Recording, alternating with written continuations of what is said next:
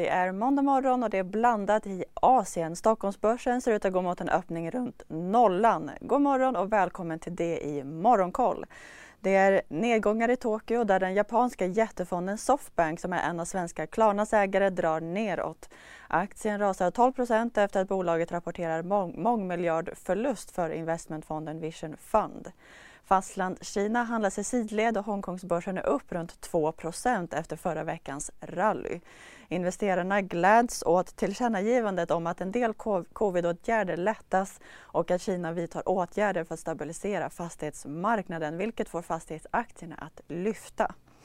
Över till USA där TikTok har börjat testa sin e-handelslösning i appen. Det rapporterar The Verge. Därmed tar TikTok upp shoppingkampen med Amazon i USA inför den stundande julhandeln. Funktionen finns sedan tidigare i Storbritannien och innebär att användarna kan köpa produkter direkt via en funktion i appen kallad TikTok Shop. Och Disney planerar anställningsstopp och uppsägningar efter att bolaget rapporterade svagare siffror än väntat förra veckan. Disneys strömningstjänst och aktien handlas ner till lägsta nivån på ett år. Kryptomarknaden fortsätter att tappa efter att den skakades om rejält förra veckan efter turerna kring kryptobörsen FTX som i fredags ansökte om konkursskydd efter att Binance drog sig ur köpet. FTX backade kryptovalutan Solana har rasat över 60 vi är specialister på det vi gör, precis som du.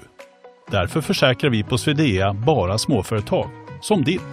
För oss är små företag alltid större än stora och vår företagsförsäkring anpassar sig helt efter firmans förutsättningar.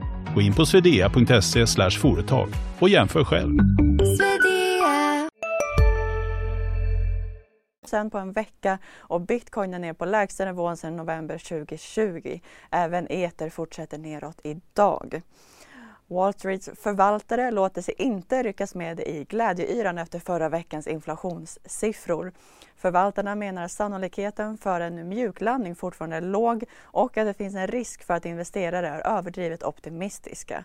Samt att uppgången är klassiskt björnmarknadsrally och att historien visar att en börsnedgång kan rymma flera av dem innan botten nås.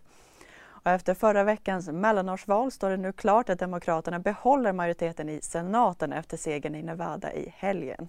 Valet till representanthuset är fortfarande inte klart. Amerikanska statspappersräntor vänder uppåt något, något när handeln kommer igång idag efter räntemarknadens långhelg. Den amerikanska tioåringen ligger nu på 3,9 procent. Så till Sverige där vi precis har fått in rapport från forskningsbolaget Caliditas som redovisar en högre omsättning men ett lägre rörelseresultat än motsvarande kvartal förra året. Senare ikväll rapporterar även Africa Oil. Och idag inleder Electrolux, Electrolux Professional med restauranger och hotell bland kunderna en två dagars investerarkonferens där komponentbrist, råvarupriser och konjunkturutsikter lär finnas på agendan. Det var allt för nu. Missa inte Börsmorgon kvart i nio och ha en fin dag.